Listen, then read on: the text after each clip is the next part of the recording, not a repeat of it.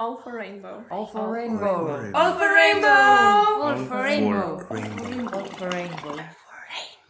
Dobrodošli, dobrodošli v All for Rainbow podkastu. Uh, tokrat uh, epizodo posvečamo uh, chemseksu uh, in z mano je uh, Simon iz Drogarta, uh, s katerim se bom pogovarjala, uh, kaj chemseks je in ja, vse o tem.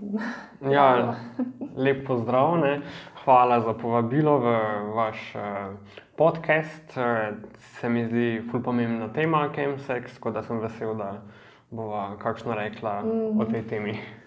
Um, mogoče za vse poslušalke, poslušalce, ki še ne vejo, kaj pomeni chemsex, uh, kak bi, ja, kaj sploh je chemsex? Ja, uh, chemsex je fajn, ja, da najprej definiramo, kaj sploh pomeni. Drugače obstaja več nekih različnih definicij, -hmm. ampak neka taka osnovna definicija gre pa v bistvu za seks pod vplivom psihoaktivnih snovi. Um, tukaj sicer gre za neke različne kontekste, lahko je to pred seksom, med seksom, po seksu, ampak ja, glavni point je spolni odnosi pod vplivom psihoaktivnih snovi, uh, predvsem med moškimi, ki seksajo z moškimi, kjer imamo pa še neke dodatne specifike, um, ki vplivajo na to. Okay. Uh, zdaj, res smo se že, nekaj pogovarjali, da uh, David Stewart je nekako začel z, mislim, bolj aktivno začel z naslavljanjem te teme, pa uh, zasvojenostjo, ki mogoče pride uh, z uporabo drog. Ja, uh, res je, uh, full fine, da se ga omenila. David Stewart je pomembna oseba na področju chemsexa. Uh, in v bistvu žal je ravno prejšnji mesec David Stewart umrl. Drugač gre za strokovnjaka iz področja chemsexa um, iz Anglije.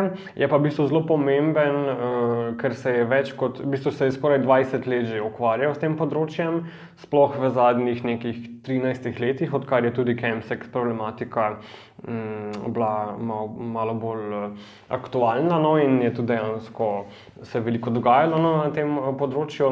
Uh, je pa v bistvu zelo pomemben tudi za nas na Drogartu, ker smo nekje približno pet let nazaj smo se tudi mi začeli bolj aktivno ukvarjati s tem chemsex problemom in s to tematiko. In takrat nam je bil v bistvu David Stewart zelo veliko pomoč z vsemi nekimi gradivi, raziskavami, orodji, ki jih je on naredil v teh 15 letih. In uh, mi je sicer zelo žal, no, ne, da je preminulil. Um, ampak se mi zdi pa super, no, da smo danes izkoristili to priložnost in da uh, nasloviva to temo, ki je pa še vedno fully aktualna. Predstavljam si, da uh, kljub temu, da je možno uporabljati droge na nek uh, varen način, vseeno hitro pride do zasvojenosti. Um, mogoče je vprašanje, ali je možno prakticirati sploh varen chemsex, Ja, um, zelo dobro vprašanje. Ja. Um, pač ljudje, ki prakticirajo chemsex, imajo sicer zelo različne motive, zakaj ga prakticirajo. In tukaj bi mogoče najprej to omenil, da je pri tem um, ko prakticiraš chemsex, zelo pomembno, kaj je tvoj glavni motiv, ker je zelo tanka meja med tem, da ti mogoče uporabljaš uh, psihoaktivne snovi oziroma droge za neko eksperimentiranje, za neko povečanje užitkov pri spolnem odnosu, ali pa med tem, da zlorabiš uporabo drog. Če je mogoče tvoj motiv neko reševanje težav, neko reševanje stisk, ki jih čutiš, in uporabljaš drogo mm, za za ta namen, da pozabiš na te težave. Mm. Tako da najprej sem to hotel omeniti, da je tu zelo tanka meja, ker če zlorabljaš uporabo drog, je potem zelo hitro lahko pride do odvisnosti, ki je pa v bistvu zelo velik problem. Um, Še eh, rad bi pa omenil še to, omenila si varno prakticiranje chemsexa, varno uporabo drog. Eh, tu moram res jasno povdariti, da varne uporabe drog ni, lahko je samo manj tvegana uporaba drog. In mi na Drogartu smo ravno zaradi tega delamo tudi na tem področju. Glavni cilj chemsexa in ozaveščanja o chemsexu je to, da pač mladim, ki se odločijo za prakticiranje chemseksa, probamo ponuditi neke smernice, kako lahko manj tvegano uporabljajo, chemsex, eh, uporabljajo droge in prakticirajo chemseks. Tako da edina varna stvar bi bila, da pač ne uporabljajo drog, če se pa že odločijo za uporabo drog, kar je pač odločitev vsakega posameznika, um, so pa pač neke smernice, ki jih lahko upoštevajo, zato da res čim manj uh, tvegajo. Ja, v enem intervjuju, ki si mi ga poslal, um, sem prebrala, da je ah, intervjuvanka uh, rekla, da uh, dokler ne vem, uporabljaš druge in ti nekako izboljšajo življenje, da je to ok, ampak ko pa vidiš neke slabe posledice, pa uh, je že čas, da poiščeš mogoče kako pomoč, če se sploh. Ja, ja, ja vem, vem, o katerem intervjuju govoriš. To je bil intervju z mojo sodelavko Mino Paš, uh, ki je tudi svetovalka v naši mm. svetovalnici. Mimo grede, no, bi tu mogoče omenil, da kdorkoli ima kakšno težavo zaradi uporabe drog oziroma zaradi prakticiranja chemseksa, se lahko kadarkoli obrne na našo svetovalnico, ki je čisto anonimna, brezplačna in tam lahko dobi neke nasvete oziroma karkoli ta oseba rabi. Um, ja, Mina je pa tudi uh, se ukvarjala s tem področjem eh, seksa pod vplivom drog in je tu v tem intervjuju zelo dobro nekako predstavila to razliko med tem, ko je pač lahko chemsex nekaj čist ok, če se tebi zdi, uh, poleg tega, da pač upoštevaš vse neke te smernice, ki sem jih že prej omenjal, uh, če se osebi zdi, da pač chemsex oziroma neko to eksperimentiranje v seksu izboljša njegovo življenje, uh, je to čisto ok, ne? ker pač lahko mogoče kakšne osebe rabijo samo nekaj nek dodaten puš, zato da se malo sprostijo, da, da prakticirajo kakšno stvar, ki si je mogoče trezne ne upajo, pa to še ne mm. pomeni, da je trezne, trezna ne bi počela. Ne? Um, no, in je lahko to čisto ok. Medtem ko, med ko če pa oseba vidi, da chemsex oziroma uporaba drog negativno vpliva na njihovo življenje, če mogoče ne vem, cel vikend konzumirajo droge, nevarno seksajo, če se tako izrazim, pod narekovaji, v smislu, da zelo tvegajo z, možnost, z možnostjo kakšne spolno prenosljive okužbe, ali pa če grem še korak dlje, da prihaja do kakšnega neže, nezaželenega seksa, kakšnih posilstev, koncens je tudi zelo pomembna tema. In če to pač potem v osebi vzbuja neke negativne občutke, če pa cel teden rabi, da pride k sebi, pa, pa to več ni ok. Pač, eh, in to je zelo pomembno, da sama oseba pri sebi uh, presodi, kakšen vpliv ima ta praksa na njegovo življenje. Še vedno se mora vsak posameznik sam odločiti, če želi kaj spremeniti ali mu je čisto ok uh, način ki, življenja, mm. ki ga prakticira. Mm, kako pa mogoče nekdo, ki se že srečuje z zasvojenostjo, kako lahko nekomu pomagamo? Um, Ja, ja um, zasvojenost je res kar, kar hud problem. Ne, kar, kar sem že omenil, je zelo tanka meja med tem. Uh, do, pogosto se pač osebe, ki so zasvojene, niti ne zavedajo tega, da so zasvojene. In tukaj je v bistvu, bi rekel, zelo, zelo pomembno, da imajo te osebe nek uh, širok uh, krok uh, nekih prijateljev, družine, partnerjev, na katere se lahko zanesejo. In zelo je fajn, jaz bi rekel, da je glavna stvar neka komunikacija, da se res komunicira o teh stvarih da daš osebi vedeti, da se ti lahko zaupa, da ti lahko zaupa kakšne težave, da se pač pogovarjaš o teh njegovih vikend prigodah s kem seksom in da mu daš vedeti, da ti lahko pač zaupa. In potem tudi težko je, zdaj mogoče, če je oseba zasvojena, je tudi neka meja, ne, do kjer ti lahko pomagaš, kjer pa je vseeno boljše, da se, mogoče, da se to osebo usmeri k kakšnemu strokovnemu delavcu, ki se s tem ukvarja. Mm. Tako da je tudi ful pomembno, da se mogoče ljudje pozanimajo o teh stvarih. Več si lahko recimo preberejo na naših spletnih straneh Drogarta. Ena stran je recimo www.drogart.org, potem imamo še eh, spolno prenosljive okužbe.si, plus še mogoče spletna stran chemsex.si.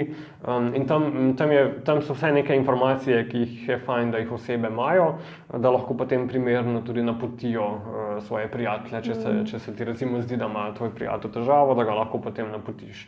Rečeš, ne, pojdi k drogartu, pa, mm, pa, pa se lahko tam pač pogovoriš. Okay. Uh, zdaj, omenil si že, da je dosti bolj popularna uporaba drog uh, pri seksu v MSM populaciji. Um, Ja. Zakaj misliš, da je ravno pri MSM populaciji tako popularno, ne toliko pri drugih uh, osebah? Ja, to je uh, dobro vprašanje. Uh, tu bi sicer omenil, da sploh na drogartu, kjer imamo veliko stika z mladimi in so to so lahko pač uh, straight ljudje, MSM ljudje, mm. pač zelo širok spekter ne, vseh ljudi, uh, je pač popularna uporaba drog v kontekstu seksa pri vseh. Sploh v zadnjem času zaznavamo, da tudi med straight populacijo je vedno več nekega seksa pod vplivom drog. Ampak, ja, kot si pa omenila, pri MSM populaciji, se pravi moški, ki seksajo z moškimi, ne, um, smo pa delali tudi več nekih eh, raziskav, tudi v ne vem, zadnjih 30 letih je bilo več nekih tujih raziskav narejenih na tem področju in je bilo dokazano, da res ja, MSM populacija je bolj dovzetna za uporabo, spolno, eh, za uporabo psihoaktivnih substanc in za seks pod vplivom uh, psihoaktivnih substanc. In zato so zdaj lahko fuljeni različni razlogi, ne fuljeni dejavnikov, ki vpliva na to. Definitivno se mi zdi en ful pomemben dejavnik to, da je pač LGBT skupnost že celo svoje življenje ne, pač tarča neke homofobije, diskriminacije, tudi ponotranjene homofobije. Um, to so pač neki družbeni pritiski, ki na nekoga vplivajo bolj, na nekoga manj, mogoče se jih niti ne zavedamo tako. Sploh straight populacija se mi zdi, da se tem ne sooča na tak način in se mogoče ne zaveda vpliva, ampak dejansko je tudi to en izmed zelo velikih razlogov, zakaj so uh, osebe pač bolj dovzetne za to, da uh, uporabljajo droge, zato da pač mogoče lažje pozabijo na to neko diskriminacijo, ki jo doživljajo ali v družbi, ali od družine, ali tako naprej. Pa je pa še ena druga stvar, ki bi jo mogoče tu omenil, in sicer vpliv teh uh, geosocialnih aplikacij, ki so sicer v zadnjih letih tudi v straight populaciji ratele ful popularne, ampak bi pa vseeno omenil, da ne vem, Grindr, recimo, ne, kjer je glavni cilj uh, pač, uh, zmen, zmenkarije med moškimi, ki seksajo z moškimi, je bil v bistvu že pred Tinderjem recimo, m, narejen in vseeno je ta populacija, se mi zdi, bolj že prej začela s tem. Instantnim klikom, ko imaš pač en klik stran neko osebo, ki, ki ti ponuja seks in mogoče še kakšne druge pozdrave. Ja.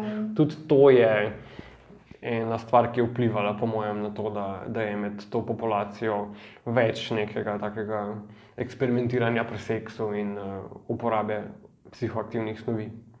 Razmišljala sem tako, uh, kako je recimo z transpolnimi osebami ali pa transmoškimi, uh, če je pri njih kaj drugače, če moče veš. Ali...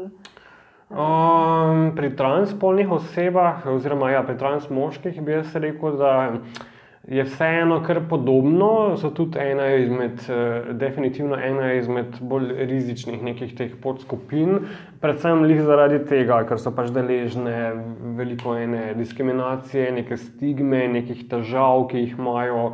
Ki so povezane s tem, da so pač transpolne osebe, in tukaj mislim bolj težave v samem sistemu, ne, od teh vem, sprememb dokumentov in ne vem, če so vsega. Ne, in to so vse neke stvari, ki lahko zelo močno vplivajo na psihofizično stanje uh, osebe.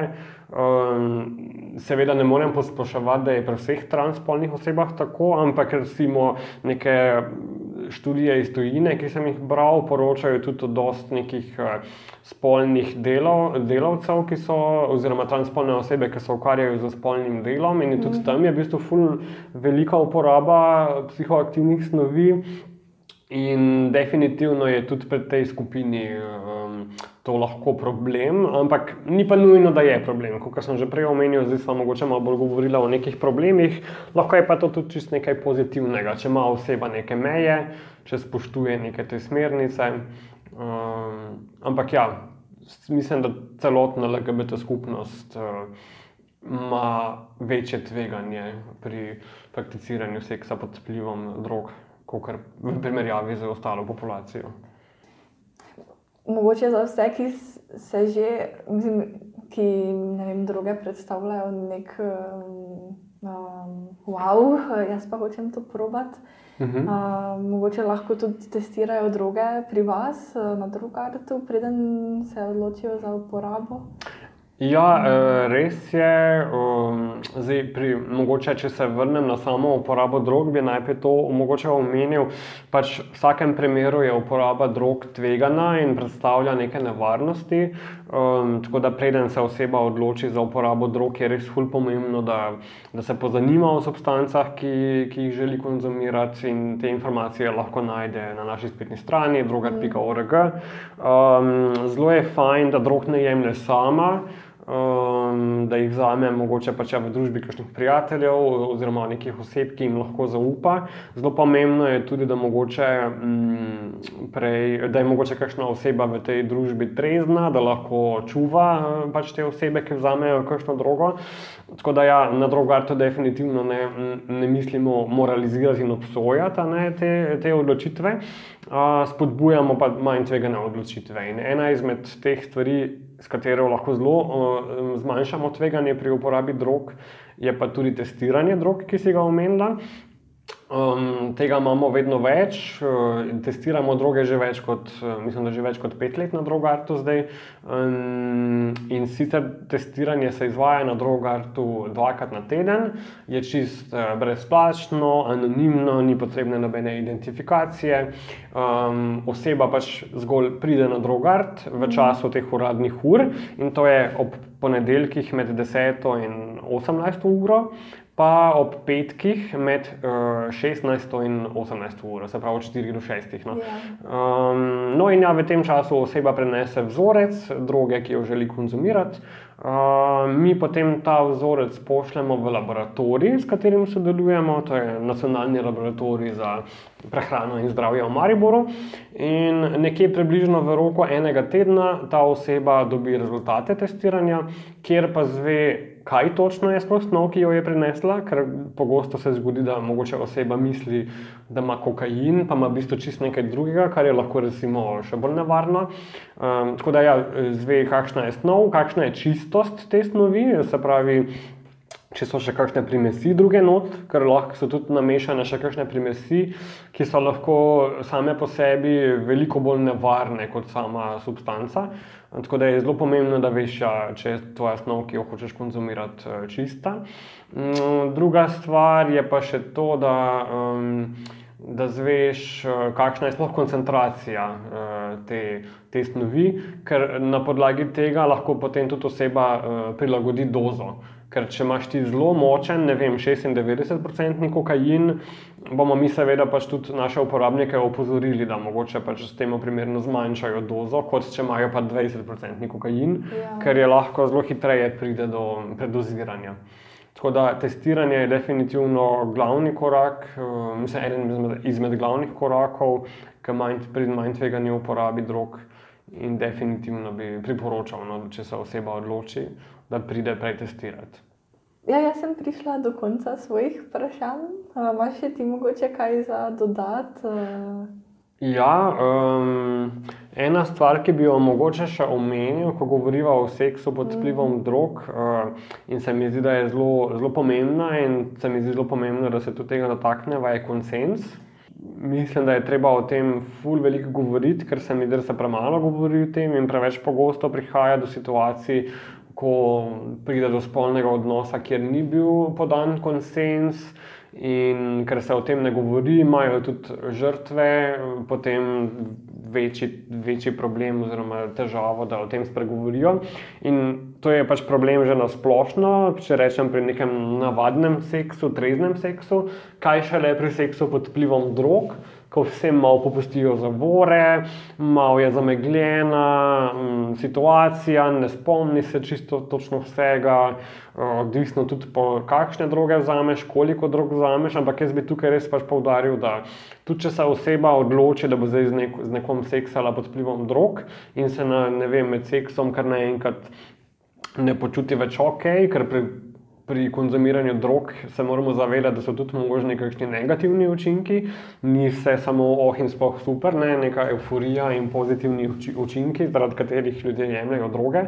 Lahko pride tudi do kakšnih slabosti, težav z dihanjem, ne vem, pač nekih uh, negativnih učinkov. In hočem, hočem povedati, da pač oseba ima kadarkoli uh, pravico, da pač uh, reče ne.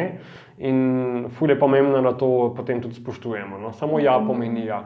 Um, Več uporabnikov, s katerimi se srečujem tekom svojega dela, mi tudi pove, da m, ne vem, na ko prakticirajo chemsex, konzumirajo kakšno drogo in mes malo recimo blackoutajo. To je recimo droga GHB, ki je kar precej popularna m, med, na chemsex sceni. In če vzameš kakšno kapljico preveč tega GHB-ja, jo lahko zakumiraš. Ampak uh, pogosto se dogaja, da, da pač oseba potem še vseeno seksa s to, s to osebo, ki je zakumirala. Ne? In tukaj bi pač poudaril, da samo ja pomeni ja. Če oseba ni zmožna reči ja ali pa ne, pol, to ni, pol ni dala privolitve. In je fajn, da imamo to v mislih. No?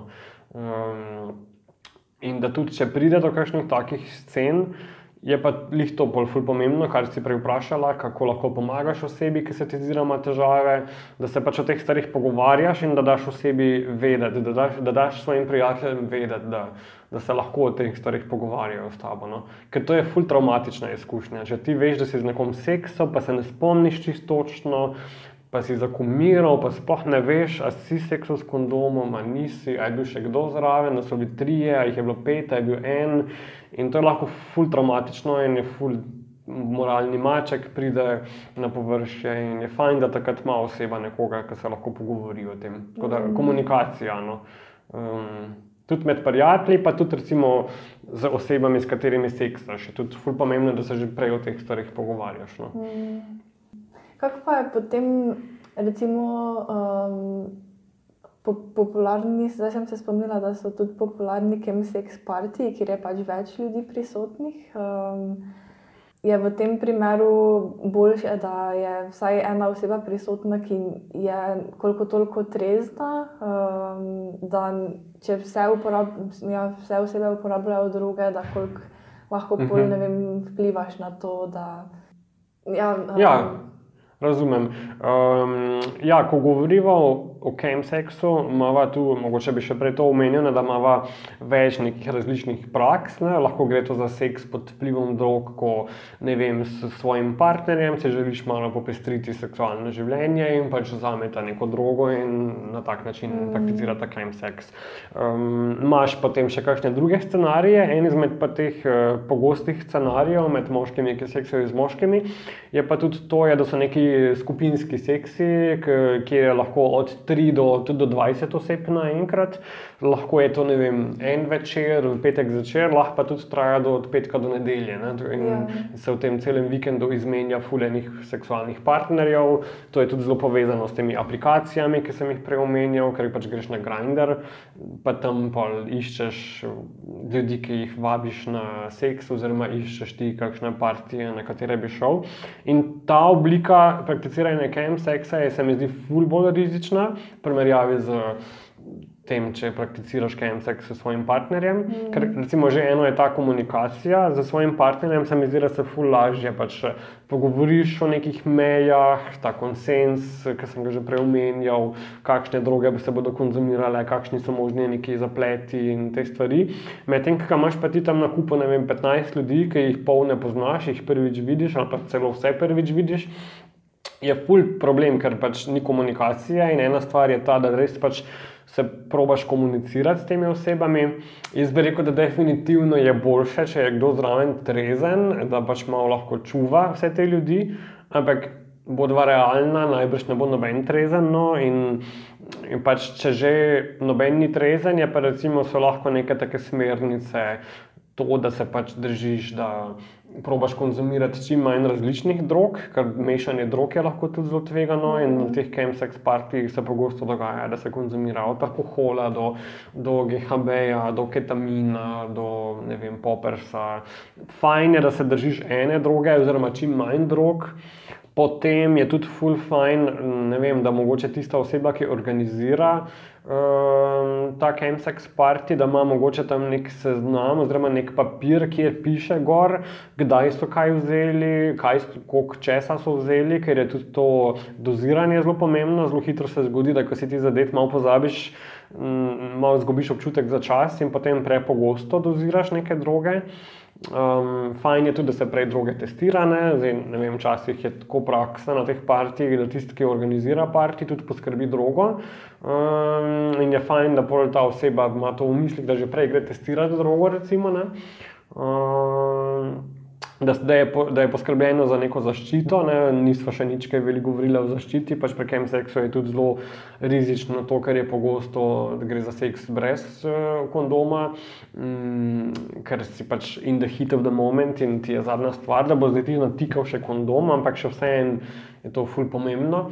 Če pa že, že ne, je pa pomembno, da se osebe redno testirajo, da uporabljajo mogoče PEP in PrEP. To je mogoče še ena stvar, eh, ena novost. Eh, V Sloveniji imamo končno dostopen tudi PrEP, to je predekspozicijska profilaksa, ki, to je zdravilo, ki ga v bistvu jemlješ pred nekim tveganim seksom um, in te potem to zdravilo zaščiti pred tem, da bi se okužil s HIV-om. In to je bilo še do nedavnega plačljivo v Sloveniji um, in teže dostopno, zdaj po novem pa lahko osebe dobijo. Uh, ta prep m, pri specialistu na infekcijski kliniki je brezplačno in to se mi zdi ful, ful pomembno, no, ker ravno za take osebe, ki prakticirajo te neke skupinske chemsex uh, scene, m, pride ta prep zelo upoštevno pri tem, da zmanjšaš tveganje za neke okužbe.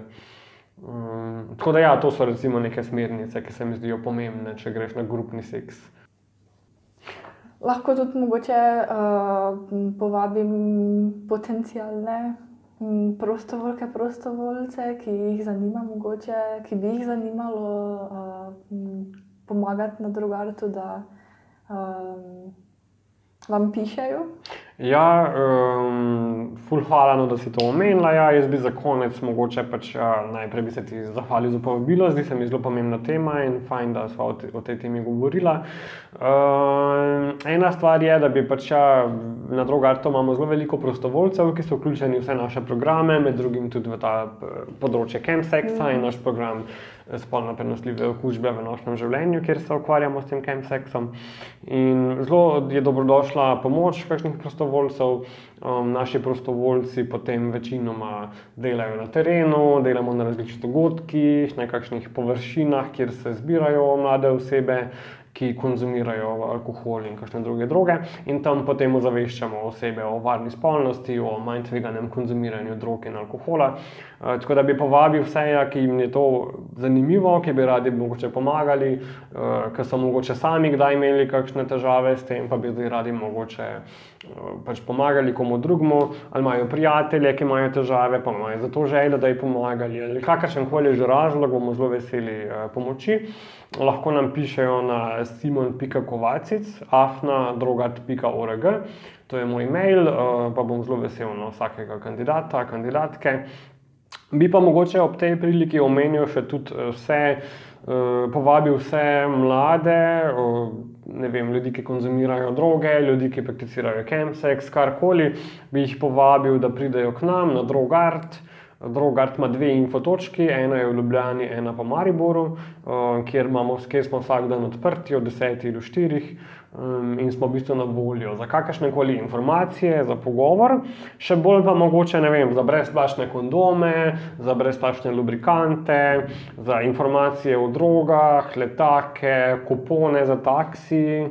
Uh, ni da ni, no, imamo zelo en, veliko enih ozaveščevalnih takih promocijskih materialov, um, recimo tudi ja, za to testiranje drog, ki so ga že omenjali, tako da bi povabil, no, da, da pridejo nas kaj obiskati in bomo zelo veseli obiska. Super. Um, ja, uh, hvala tudi tebi. Um, sem tudi jaz vesela, da, um, se, da si bil moj gost. Um, ja, Ja, um, super, ne? Pa še kdaj? Ja. Uh, vsem poslušalkam, poslušalcem pa želim lep dan in se slišimo v naslednji epizodi. Čau! All for rainbow. All for rainbow. All for rainbow. All for rainbow. Rainbow. All for rainbow.